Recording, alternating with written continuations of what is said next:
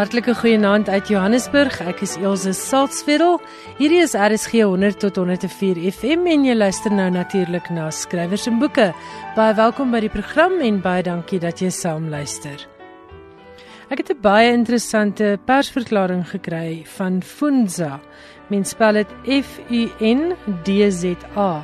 Nou, hierdie organisasie glo in die krag van stories en daar is talle voorbeelde van hoe stories mense se lewens verander. Een so storie is die nuwe Suid-Afrikaanse fliek Noem my Skolly wat gebaseer is op die ware verhaal van John Fredericks, 'n meesterstorieverteller wie se uitsonderlike gawe om stories te skryf en te vertel sy lewe gered het. John en sy vriende het op die Kaapse vlaktes groot geword en is op heterdaad betrap toe hulle geld by 'n winkel wou steel. Nadat hy in hegtenis geneem is en in Polsmoor beland het, gaan hy ooreenkoms aan met die gehardste bende in die tronk. Hy sou elke aand vir hulle stories vertel waarin hy hulle dan as karakter sou gebruik as hulle hom met rus sou laat en nie dwing om deel te word van die bende nie.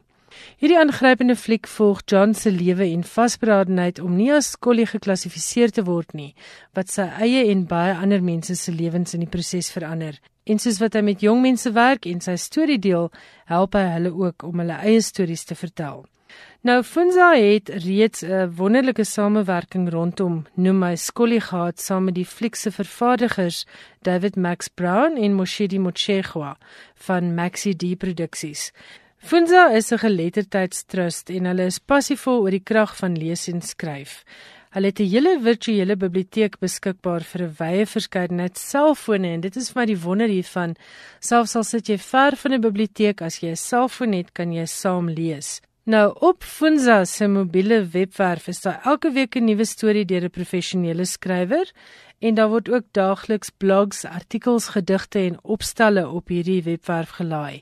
Lesers se eie werk kan ook daagliks in die fans afdeling gevind word en soos 'n mens nou kan dink, sorg hierdie mobiele webwerf van Funza vir duisende lesers reg oor die land se daaglikse leesgenot op Funza se mobiele webwerf wat jy sal vind by funza.mobi sal jy dan nou ook heerlike nuwe inligting kan kry rondom Noem my Skolly. Hulle het 'n skryfkompetisie gehad en die uitslae van hierdie skryfkompetisie sal dan nou ook daar te lees wees, maar daar is ook 'n klomp ander goeie skryfstukke en artikels, gedigte en opstelle. Gaan lees dan ook daar 'n nuwe storie deur John Fredericks. Hy is die persoon op wie se lewe noem hy Skolly gebaseer is en hierdie verhaal word genoem The Creep.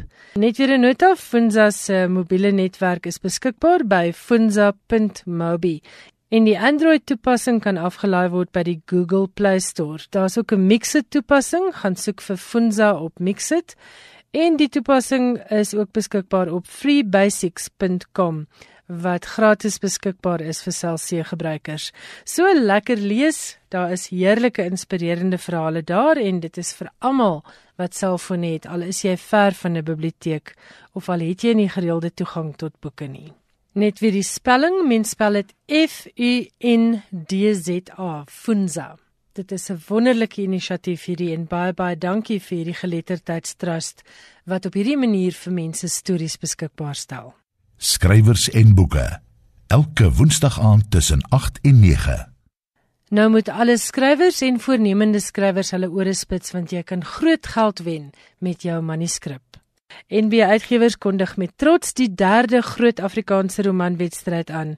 Die wedstryd is nie net die omvangrykste plaaslike romanwedstryd nie, maar bied ook die grootste pryse, sowel as die geleentheid om by Suid-Afrika se grootste uitgewery te publiseer. Prysgeld van altesaam R350 000 is op die spel, met R200 000 vir die wenner en onderskeidelik 70000 en 40000 rand vir die tweede en derde plekke. Daar's ook 'n debietprys ter waarde van 40000 rand. Marga Stoffer, die uitgewersbestuurder van NB Uitgewers, sê die Groot Afrikaanse Romanwedstryd se doel is om talentvolle nuwe aspirantskrywers aan te moedig om te skryf en om ervare skrywers aan te moedig om nuwe manuskripte wat dalk net daar rond lê te voltooi. Marga sê hulle het vir die vorige groot romanwedstryd 'n eislike 95 inskrywings ontvang en hulle hoop om hierdie jaar weer met hierdie aanloklike geldpryse 'n groot klomp manuskripte te kry. Die groot Afrikaanse romanwedstryd word volledig deur NB Uitgewers geborg en vind elke 3 jaar plaas. En in 2012 was die wenner Die aanspraak van lewende wesens deur Ingrid Winterbag. In 2015 is die kompetisie gewen deur Dan Sley met sy roman wat destyds getitel was Die laaste goeie man. Maar die titel het intussen verander na 1795 en hierdie boek is verlede week in die Kaap bekend gestel. Die debuutwenner was die skaalmodel deur Annelie Groenewald en ons gesels ook binnekort met Annelie hier op skrywers en boeke. Deelnemers kan hulle manuskripte voorlê aan enigiemand van NB Uitgewers se fiksie drukname, naamlik Tafelberg, Iman en Resou, Quillery of Quella. NB Uitgewers onderneem om die wenmanuskripte te publiseer en het ook die eerste opsie op alle romans wat vir die kompetisie ingeskryf word. Die sluitingsdatum vir inskrywings is op 1 September 2017. Dit is meer as 'n jaar ver en dit beteken jy het meer as genoeg tyd om nou daardie manuskrip te voltooi. En as jy reeds 'n manuskrip het, hou dit net terug tot die 1 Januarie 2017 wanneer inskrywings amptelik open. Die wedstrydreëls en inskrywingvorm is beskikbaar op NB Uitgewers se webwerf by www.nb.co.za. En as jy navrae het, kan jy hulle skakel by 021 406 3412 of stuur 'n e-pos aan romanwedstryd@nb.co.za. Nou gaan ons luister na 'n baie lekker onderhoud, die eerste van 2 wat Suzette Kotse Meiburg vir ons in Kaapstad voer met die skrywer Abraham De Vries. Hy het natuurlik baie min bekendstelling nodig en sy gesels met hom oor sy oeuvre en ook oor sy skrywersloopbaan. Geniet dit. Bram, baie welkom by ons in die ateljee. Baie dankie. Ek gaan nou sommer by die begin begin. Wou jy altyd 'n skrywer word? Uh nee, ek ek wou nooit as kind op skool opstelle skryf nie. Dit het vir my nou nie 'n goeie plan ge, geklink nie. en uh, toe toe die onderwyseres het dit uh, een keer gesê ons kan maar skryf oor wat ons wil. En uh, toe toe het ek 'n storie geskryf. Uh in in in snaaks genoeg, dit was die eerste storie wat gepubliseer was, die spioene. Mm. Uh nee, die anderste om, die die uh die spioene is die eerste een wat ek geskryf het. En Berde Jagter is die eerste een wat gepubliseer is. Ja, Maar dit is altyd dieselfde tema gewees wat ouens my lank kwaliek geneem het en dit is die twee kinders se se kennismaking met die dood. Mm.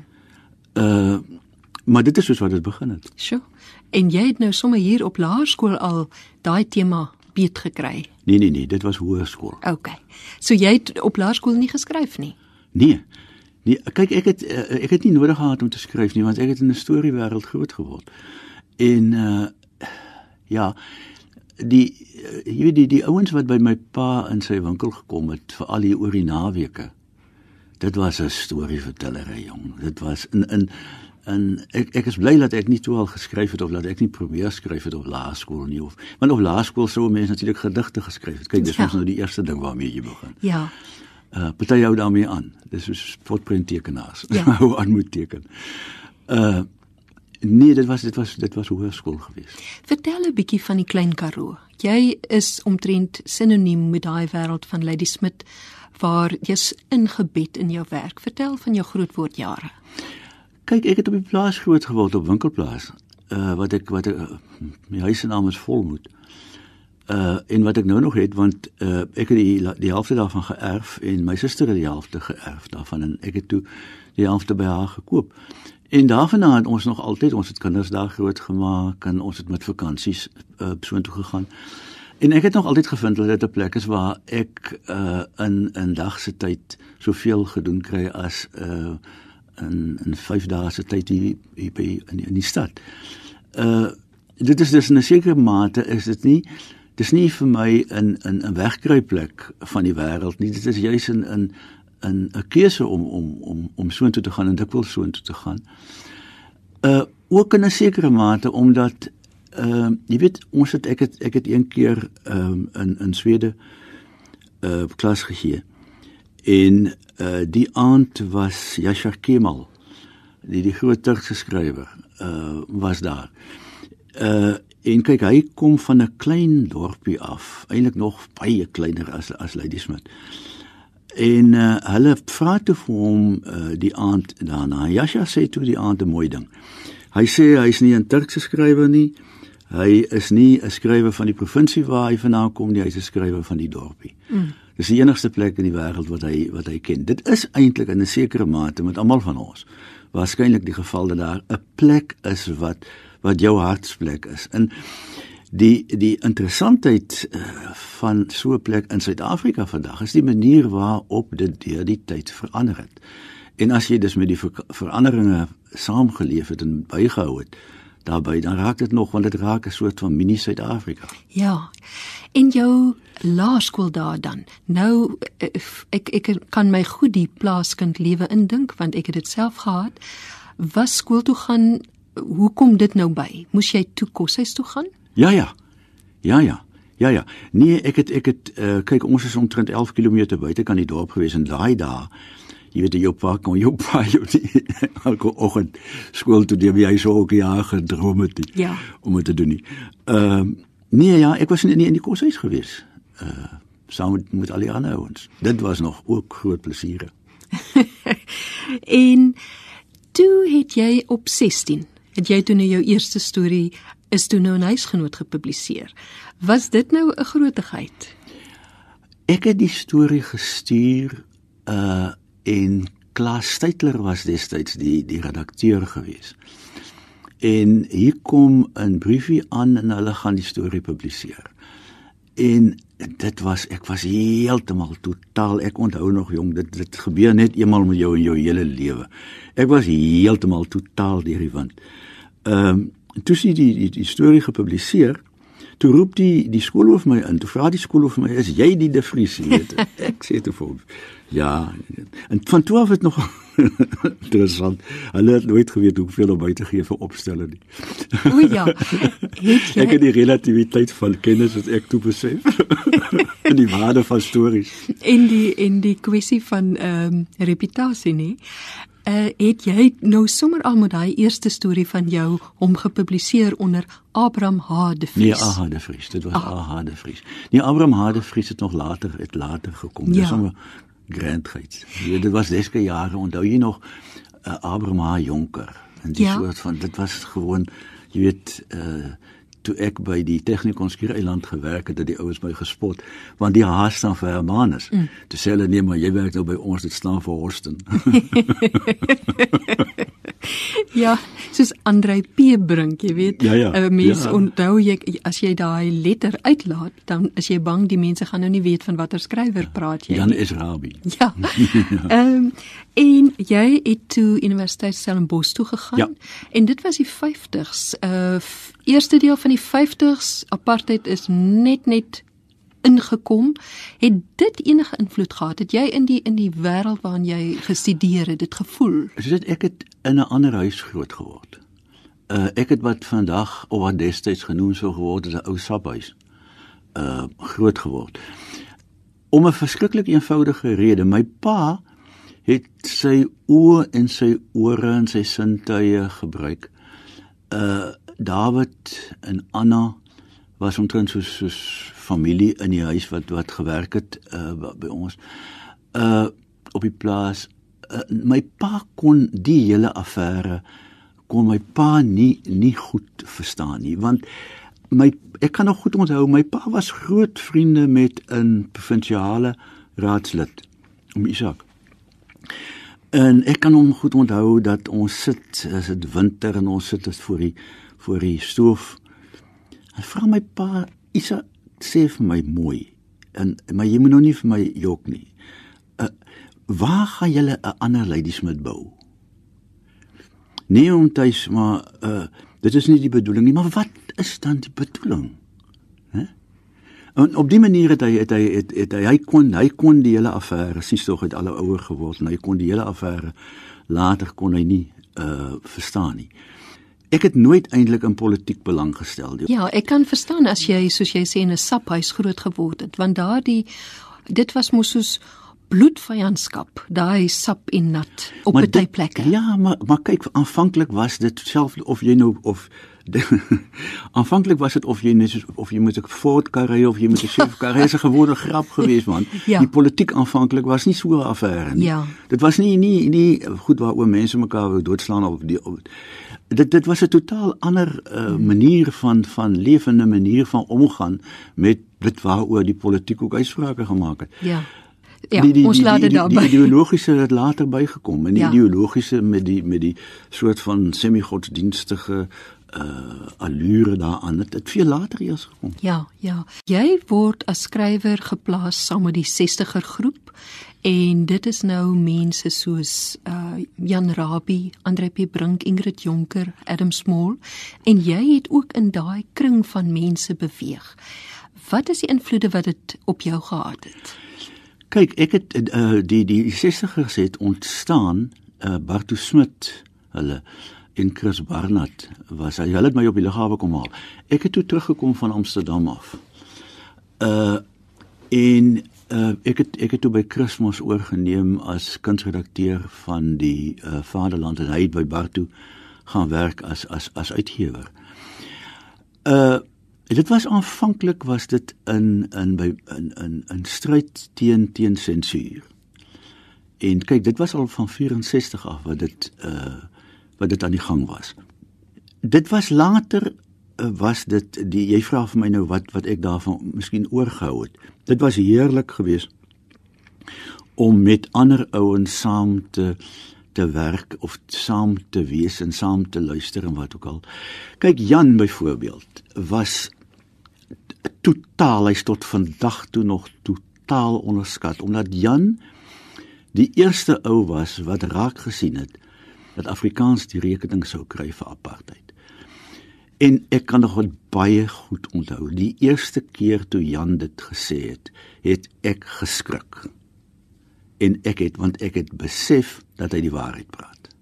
Daar is 'n boek van Jan Rabie wat ek tot vandag toe spyt is dat daardie boek nie raak gesien is nie. En dit was Johanna se storie. Ek het hom laat op hoërskool gelees en ek het baie jare later as uitgewer eers besef uh, wat is die helfte van wat daar verkeerd gegaan het. Maar dit was so uit dit uit dit as 'n so 'n parodie geskryf. Hmm dat op die apartheidsbestel van daardie tyd. Ek meen daar's nou nog sulke beelde wat ek het ja. uit daardie uit daardie storie uit van hierdie meisie wat uit die dieptes van 'n Makwaland kom en nou sit die kleurskeiding in. Sy lyk wit, maar sy's eintlik bruin gebore en daai hele aaklige geskiedenis.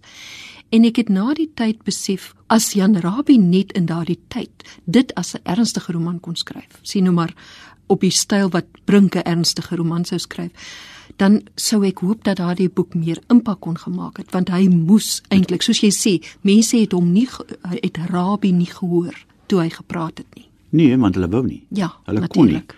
Hulle kon nie want ideologie is 'n ding wat jou ore toemaak. Ek bedoel my ou universiteit is nou 'n goeie voorbeeld daarvan. Hulle sou hom nie gehoor het nie. Hy het die Afrikaanse kortverhaal uh het hy op sy kop staan gemaak.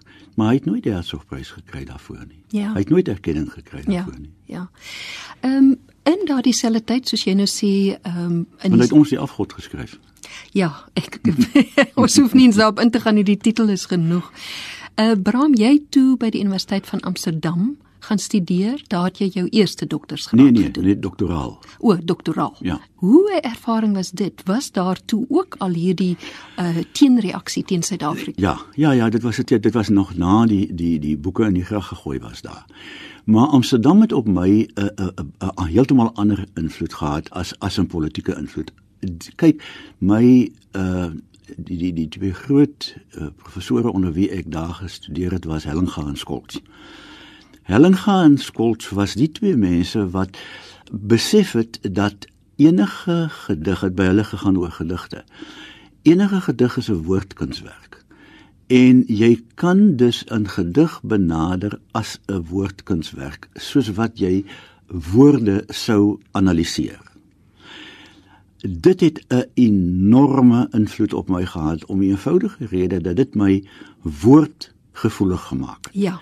en en en nog meer woordgevoelig as wat as wat ek was. Uh of of wat wat gewoon net stories vertel my my gemaak het. Ek het ek het skielik het ek nie skielik nie, maar het ek die waarde besef van stories die eerste ding. Die tweede ding is nou dit daaroor gaan jy lag. Daardie jare was Hitchcock in the vogue om dit nou maar so uh te stel. En hulle het uh dinge daar uit te voorskyn gehaal ensovoorts. Om 'n baie eenvoudige rede, daar is goed aan Hitchcock wat jy nie kan verklaar nie. En dit is hy hy het vir groot maatskappy het hy uh, films gemaak. Hoekom kan jy die agtergrond sien beweeg? Die agtergrond is geskilder, maar hy het nie nodig gehad om dit te doen. Hy kon in enige agtergrond in enige wêrelddeel gaan gaan gaan gaan vervul word. Hoekom het hy dit juis gedoen? Dit was fantasties om daardie soort van argumentasie uh te hoor dit het natuurlik ook in 'n sekere mate bygedra uh tot 'n mens se besef van uh van struktuur. Ja. Van van hoe jy ding kan kan struktureer. En hoe al die verskillende elemente bydra tot dan uiteindelik daai eindresultaat wat jy nie kan regtig sê hoekom dit elke dingetjie werk nie, maar Ja. die geheel werk net net eenvoudig. Ja. Jy het dan ook heelwat gereis, wat natuurlik 'n fantastiese ding is om te doen, ja. veral in 'n mens se jong jare. Jy het 3 reisjoernale geskryf. Vertel van jou reise. Wat is wat was 'n gunsteling? Kyk, dit het eintlik begin uh, wel natuurlik die die die boek oor Amsterdam is gewoon omdat ek in Amsterdam gewoon het en dit is 'n stad om om oor te skryf as jy ooit daar uh, uh, gewoon het. Maar die boek oor Israel en die boek oor Griekeland was eintlik omdat Johan Rousseau vir my gevra het om 'n boek te gaan skryf oor oor Israel. Uh, Daar was destyds nog nie 'n boek oor Israel nie en ek het toe spesiaal soontoe gegaan, maar ek het toe in Griekeland afgeklim en ek het toe in Griekeland uh, rondgeloop vir 'n week en toe besluit hiernatoe gaan ek terugkom, Ja. né? En uh, ek het toe die boek oor oor oor, oor Israel het ek uh, Christus Shalom het ek gaan doen.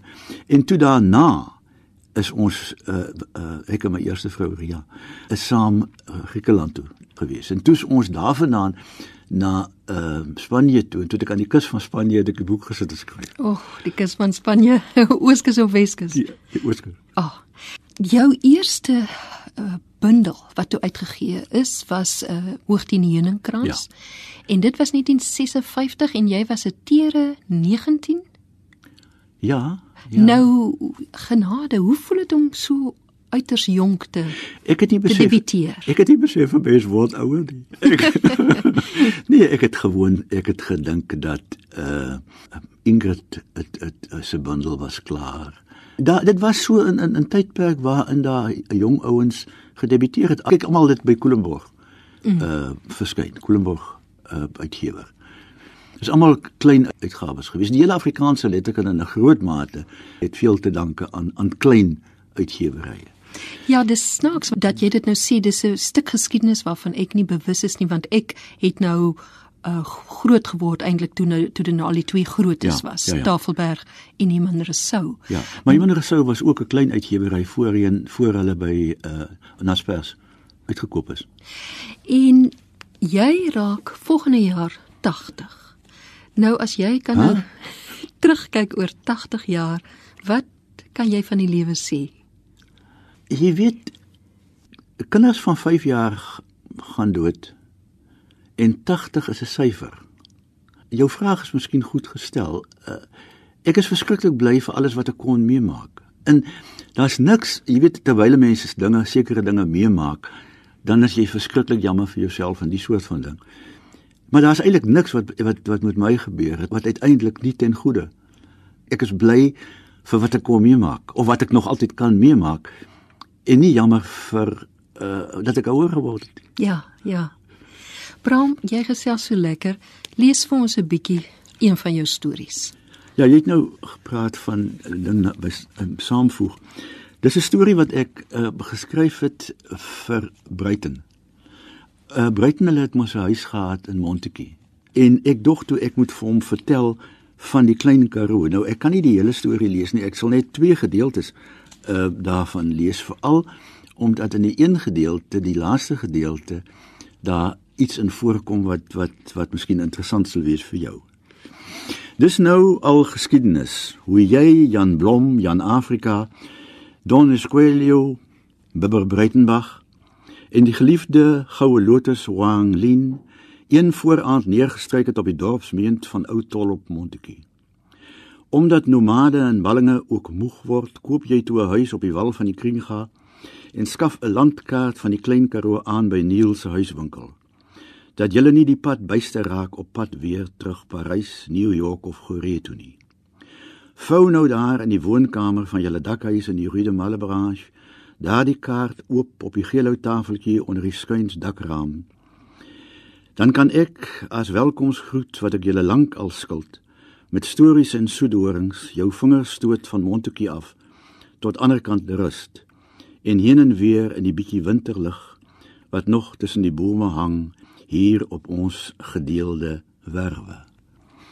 Tussen Berrydale en Lady Smith waar die Karoo randjies die ou koppies het staan twee padpredikante so naby mekaar dat jy sal sweer dis hulle self wat mekaar met die klippe so vol duike gooi. Die een predik swart op wit, dis die einde van die Oeverberg Die ander een sê kordaat: Hier begin Eden. Die blinde grappe waarmee koloniale regerings eeue lank Afrika met kaart en liniaal verdeel en oorloë gestook het. En dan is daar 'n 'n so 'n onderafdeling van 'n klein storieetjie binne in die storie en dan sal ek die slot lees. Tussen Berrydale en Lemoensoek Aan die regterkant van die pad staan 'n huis wat eintlik twee aan mekaar geboude huise is. Die regterhuis is skoon geverf en al die jare goed versorg. Die linkerhuis het tot 'n murasie verval. Die regterwerf se plante kry gereeld water as dit reën. Die linkerwerf is 'n woestyn. Van die twee gesinne, hulle was glo familie, leef niemand meer nie. Maar wie snoei dan die rose in die nag? Pragtig. En dan die die die slot. Net soveel passe as die maande voor geboorte lei die besoeker oor die berge in die klein Karoo in. Ons was nog nie van tevore hier nie. Ons kom nie terug nie. Ons het op 'n dag hier aangekom en ons het die voorgeslagte in beelde en rame en verhale met ons saamgebring. As iemand sou vra, kan ons sê ons kom van sê maar winkelplaas of van Vader se gawe of van die mond van Pietsrivier af waar ons huise bou en lande bewerk ons eie en die van ander appelkose plant en pluk en droog granate druiwe perske skwepers lemoene vye. Geslagte lank kom ons al met die staanings langs. Hey onthou die frikadelle hoendereiers hard gekook die kaas die koffie brood en melk 'n watersak wat koud word in die wind. Kom ons nagteliks terug terug na die landskap van onthou en drome en verbeel terug na die landskap van eerstes brood en gebed en die sagte lig van 'n middelamp ook op grouwe bruin hande en geslote gesigte teen die muur in die skaduwee terwyl terug na die landskap van ons kinderlikste gebede en ons grofste nalatighede aan hierdie kant van die tonnel is dit net vreemdelinge wat in die stik donker hoef te vra kan iemand sy gedagtes laat gaan Kan iemand vir my sê waar lê Pietelroos se plaas? Wat 'n interessante mens. Suzette Kotse Meiberg het in Kaapstad gesels met Abraham De Vries en volgende week in Skrywers en Boeke gesels hulle verder. Welkom by Skrywers en Boeke en my gas vanaand in die ateljee is Dina Botha. Nou Dina is nie 'n onbekende vir 'n groot klomp lesers in hierdie land nie, want jy het pas jou 56ste boek gepubliseer. Baie welkom by Skrywers en Boeke en sommer baie geluk met so uitsonderlike prestasie. Baie dankie Elsin en dat jy my genooi het om vanaand te kom kuier. Vir die luisteraars wat dalk nie Dina se naam ken nie, sy is een van die topverkoperskrywers in die romanza genre, die liefdesromanse genre. Hoe het dit gebeur dat jy van die uh, rekenaarwêreld, die IT bedryf, 'n skrywer geword het? Ek leef sedert 2006 my skooldroom uit en ek is nie spyt dat um, dit ek daai paadjie gevolg het nie. So jy wou altyd skryf. Sedert sk skool daar ja. Die meeste van ons het mos maar 'n droompie wat jy op skool wil doen. Ongelukkig na matriek het my droom nie gerealiseer om joernalis te word nie. Ek het 'n IT loopbaan gevolg soos hy gesê het. 4 jaar van my lewe aan net aan kinders gespandeer. Ek het my twee laatlammetjies grootgemaak en in 2006 my eerste romansa geskryf. En die uitgewer het nou die dag by jou bekendstelling vertel Daardie heel eerste romansa het jy 17 keer oorgeskryf. Nee, dis dan nie heeltemal waar, nie. Daar was heelwat oorskryf. My eerste voorlegging was natuurlik 'n ramp. Ek kon nie skryf nie. Ek het net mooi alles wat ek verkeerd kon doen, die het ek verkeerd gedoen. My uitgewer het gesê ek moet dit gaan oorskryf. Ek het nie dadelik daai spesifieke roman, daai manuskrip oorgeskryf nie.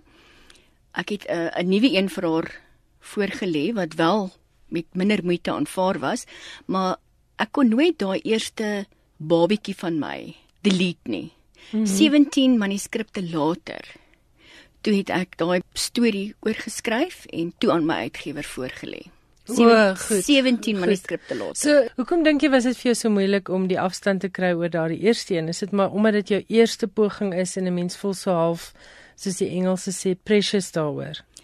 dit was beslis vir my kosbaar, maar ek het soveel tyd gespandeer aan daai karakters, daai held en daai heldin en en hulle lewe dat dit was soos amper soos familie. Dit is bietjie persoonlik geweest. Ek kon nie daai tweeetjies se se liefdesverhaal in die lug laat hang nie. Ek moes dit net oorskryf en uiteindelik het hulle die lig gesien.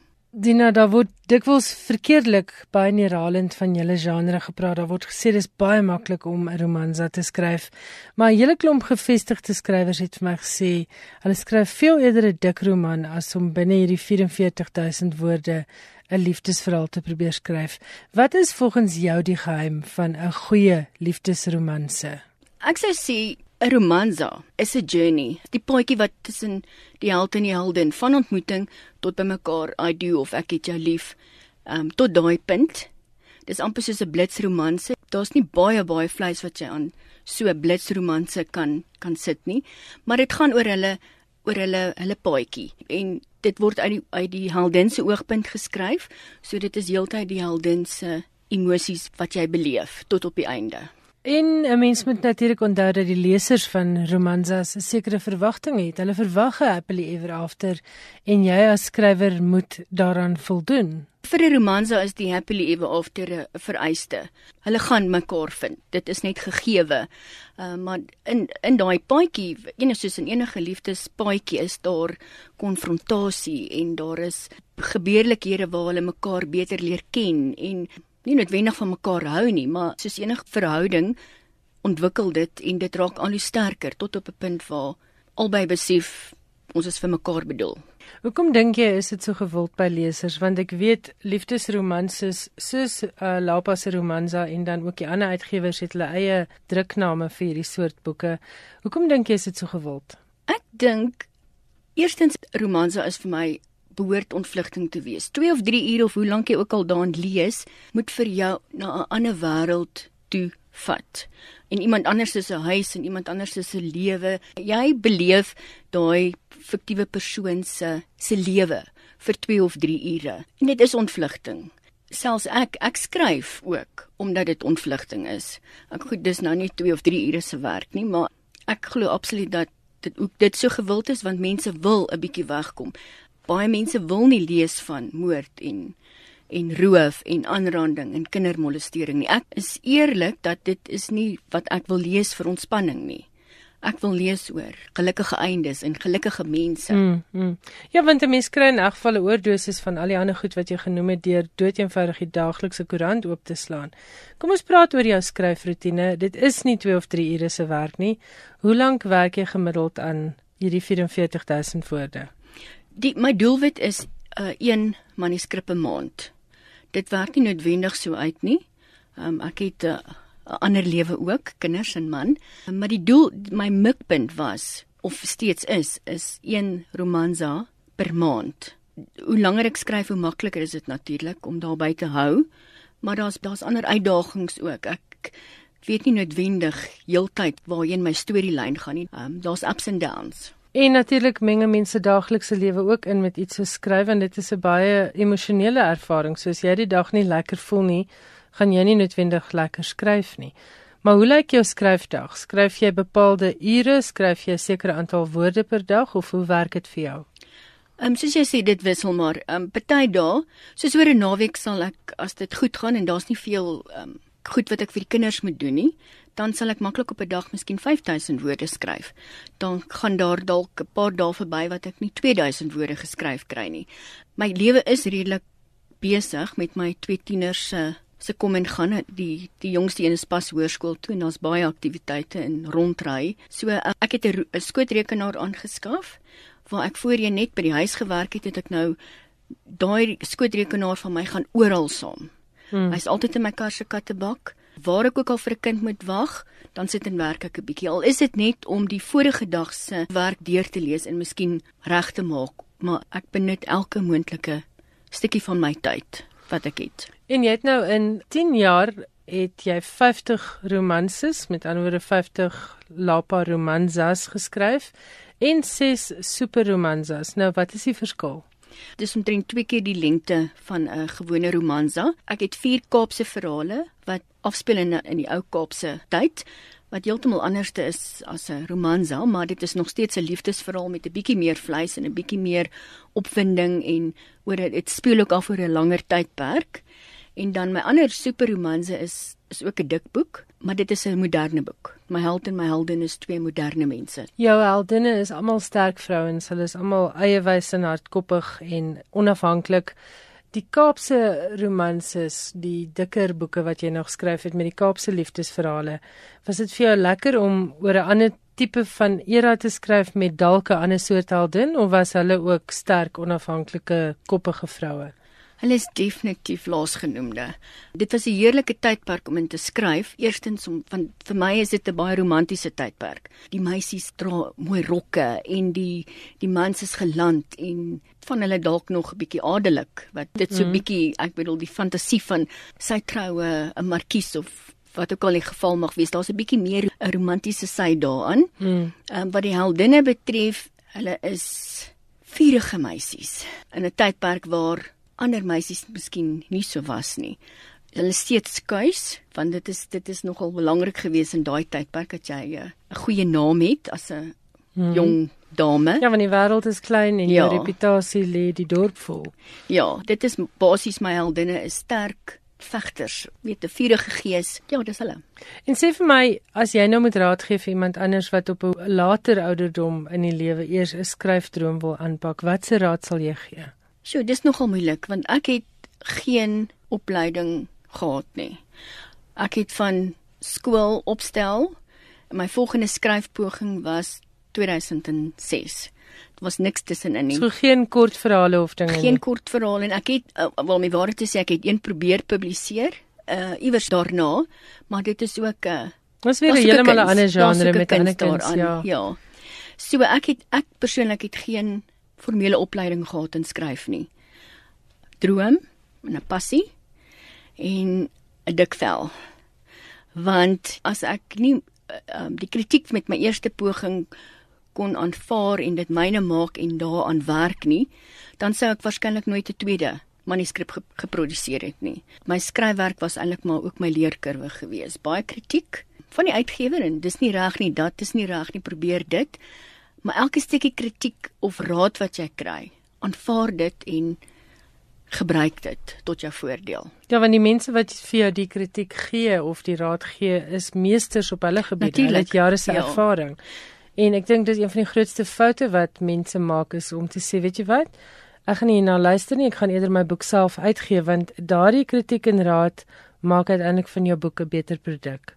Dit is so. Um en ek het ek dit het my rukkie geneem om as ek daai verslag teruggekry het oor my manuskrip en daar is goed wat wat ek moet aanspreek. Dit het my rukkie geneem om net te aanvaar dis nie persoonlik nie. Die die persoon wat dit vir my geskryf het, het moeite ingesit. Sy het 'n stukkie van haar ervaring daarin gesit. Dis nie persoonlik gemik nie. Sy doen dit omdat dit tot my eie voordeel is. As jy net daai net oor dit kan kom, oor jouself kan kom, dan is dit baie baie makliker. Baie ware woorde van Dina Botha. Ons het met haar gesels vanaand oor haar 50ste liefdesromanse. Dit is die Lapa Romansas wat sy skryf wat onlangs gepubliseer is en dit saam met die ses ander dikker boeke. Ek het pas uitgewerk het omtrent 3 miljoen woorde in 10 jaar gepubliseer. Baie baie geluk daarmee. Dis inderdaad 'n besonderse prestasie. Dankie dat jy hier was. Baie dankie Ilse. En dankie vir al die lesers wat so getrou ondersteun. Skrywers en boeke. Alles wat jy oor die boekewêreld wil weet en meer. Johan Meiberg is nou by my in die ateljee vir sy gereelde weeklikse insetsel. Baie welkom Johan. Baie dankie. Alvin Toffler, skrywer van die 1970 treffer Future Shock, 'n boek waarin die transformasie wat as die opkoms van digitale tegnologie beskryf kan word, is op 27 Junie dood. Hy was 87. Toffler was een van die befaamde futuriste wat saam met sy vrou Heidi talle boeke geskryf het, hoewel sy nie krediet gekry het vir haar bydrae nie. In 1970 het die tydskrif Time in 'n resensie Future Shock beskryf as die boek wat 'n standaard gestel het waaraan alle voornemende futuriste voortaan gemeet sal word. Die term Future Shock was hoe Toffler in 1965 die toenemende angstigheid meegebring deur 'n sneller veranderende wêreld beskryf het. In die boek met die einste titel het hy die vinger gelê op eie tyd se neigings, van protesoptogte tot 'n stygende egskeidingssyfer. Dit het hy gewy aan 'n historiese siklus wat elke aspek van die lewe sou raak. Ons moet geheel en al nuwe maniere vind om onsself te anker, skryf hy in die boek. Nou dat alle forme van godsdiens, van volkgemeenskap, gesin en werksbetrekkinge sidder voor die stormwind van verandering. Toffler word wyd gereken as die man wat die uitdrukking inligtingoorlading of information overload deel van die spreektaal van die digitale eeu gemaak het. The Third Wave, sy boek van 1980, weer saam met sy vrou Heidi, was 'n blitsverkoper. In die boek het hy 'n elektroniese posstelsel voorspel wat die posman met 'n possak sou vervang en wat ons vandag ken as e-pos. Telekonferensies, interaktiewe media en geselskamers. Volgens hom is die ongeletterde mens van die 21ste eeu nie die een wat nie kan lees of skryf nie, maar die een wat nie kan leer, afleer en oorleer nie. Dis nog 'n interessante opmerking daardie laaste een. Inderdaad. Ja, want ons moet uiters aanpasbaar wees om tred te hou. Nou. En ek dink ons het meer om af te leer as wat ons het om aan te leer. Absoluut reg. Yves Bonfoy, die Franse digter wat voorheen al gereken is as 'n aanspraakmaker op die Nobelprys vir letterkunde, is op 2 Julie dood. Hy was 93. Benewens digter was hy ook kunskritikus en kunskrywer, veral oor die werk van Miro en Giacometti ook vertaler van die werk van Shakespeare. En sy eie werk is wyd vertaal. Encyclopedia Britannica verwys byvoorbeeld na hom as moontlik die belangrikste Franse digter van die tweede helfte van die 20ste eeu. Die Poesieprys van die Franse Akademie is in 1981 aan hom toegekend. En in 84 is hy kommandeur van die kunste en lettere gemaak deur die Franse regering. Lisa McInerney, die Ierse skrywer wat vroeër verlede maand aangewys is as die wenner van die 2016 Britse Bailey's-prys vir fiksie deur vroue skrywers, het pas ook die Desmond Elliot-prys vir debuutfiksie verower. Die boek wat haar die pryse besorg het is The Glorious Heresies. Die verhaal van 'n groep mense wat probeer oorleef in die harde werklikheid van Ierland in 'n tyd na die finansiële insinking. Dis veral die werkersklas in die kloue van skuld in Galway wat in die boek beskryf word. Selfs in die donkerste oomblikke met humor en knap storie vertel vernuf. Die Bailey's prys met wengeld van sowat 580 000 rand was voorheen die Orange prys. En wenners van die prys sluit in Zadie Smith en Chimamanda Ngozi Adichie. Die prysgeld van die Desmond Elliot prys is net meer as 190 000. The Glorious Heresies is uitgegee deur Hodder and Stanton. In 'n seldsame openbare voorlesing het James Coetzee, Nobelpryswenner vir letterkunde en skrywer van onder meer Disgrace, The Childhood of Jesus en binnekort ook The School Days of Jesus, onlangs gesê diere behoort met geregtigheid behandel te word. Die 76-jarige skrywer het 'n ongepubliseerde stuk voorgeles voor 'n stampvol saal in Madrid se Reina Sofia Kunsmuseum. Hy het die voorlesing gedoen op uitnodiging van 'n diereregte groep. Ek is geen diereliefhebber nie, het Kutse gesê. Diere het nie liefde nodig nie. Ek gee nie om vir liefde nie. Ek is besorg oor geregtigheid. Kutse beywer hom dekades lank al vir diereregte. In 1999 het hy die novelle The Lives of Animals gepubliseer. Mense dink hulle is soveel belangriker as diere, het hy gesê, en hulle ontsê diere bewussyn in die proses. Toe hy aan die einde van die voorlesing gevra is wat sy mening is oor die Spaanse bulgevegte, het Coetzee sonder om te antwoord sy arms oopgegooi as 'n teken van volslae onbegrip. En dan het jy 'n brokkie oor nuwe tendense by die internasionale boekwinkelgroep Barnes & Noble. Barnes & Noble, die grootste kleinhandelboekhandelaar in die FSA, gaan binnekort restaurante met dranklisensies om bier en wyn te verkoop inkorporeer in sy boekwinkels. Die eerste boekwinkel met 'n restaurant open in Oktober in New York. Die oogmerk is volgens The Washington Post om klante te midde van sterk kompetisie, onder meer die van Amazon, te lok. Die boekwinkel as plek om mense na werk te ontmoet vir 'n glas wyn en 'n boek op die koop toe. Maar jy was seker al in Exclusive Books in Hyde Park, dis presies dieselfde konsep, 'n pragtige restaurant. Inderdaad so. En ek sien mense ontmoet mekaar daar vir middagete terwyl ander in hoekies sit en lees. Met koffie. Ja, ek dink dis 'n fantastiese idee want op daai manier Nee, ek weet nie, ek het nog nie gesien nie in die restaurant is daar dalk wyn. Ek vermoed daar is. Maar um, ek dink dit is 'n fantastiese manier om mense soort van subtiel te breinspoel oor 'n boek. Inderdaad, dit is net 'n gesellige plek om te kuier. Ja. Baie dankie Johan, dit was baie interessant. Met Johan Meiburg se insetsel het ons nou byna aan die einde gekom van skrywers en boeke, maar nie voordat ek hierdie goeie nuus met julle gedeel het nie. Ons het soveel positiewe terugvoer gekry oor die vorige regstreekse boekbekendstelling op RSG dat die bestuur besluit het ons doen dit sommer weer.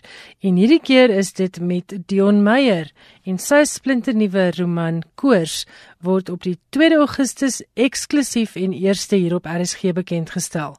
En as jy in die Kaap woon, kan jy hierdie heerlike aand bywoon. Dit vind plaas in die Drosdey Theater in Stellenbosch. Die regstreekse uitsending is tussen 8:00 en 9:00, maar die program by die Drosdey Theater vir mense wat dit daar wil bywoon, begin reeds om 08:30. Die kunstenaars vir die aand is Lize Beekman en Jaconal Meton. Hulle gaan vir ons sorg vir heerlike musiek en Zoe Brown gaan vir ons voorlees uit Dion se roman. Die prys is R120 per persoon en besprekings kan gemaak word deur die Drosdey Theater te e-pos by info@drosdeytheater.co.za of skakel hulle by 087 943 2459 en hierdie regstreekse bekendstelling word dan ook moontlik gemaak deur RSG en NB Uitgewers. Ek hoop om jou daar te sien. As jy van jou wil laat hoor, die SMS lyn se nommer is 34024. Elke SMS kos steeds R1 en my e-posadres is skrywersenboeke@rsg.co.za. Onthou om volgende week saam te luister, dan is dit die tweede gedeelte van Suzette Kotse Meiburg se lekker gesprek met Abraham De Vries. Tot dan, ek hoop jy geniet die res van jou aand, geniet hierdie laaste paar dae van die skoolvakansie en bly warm. Totsiens.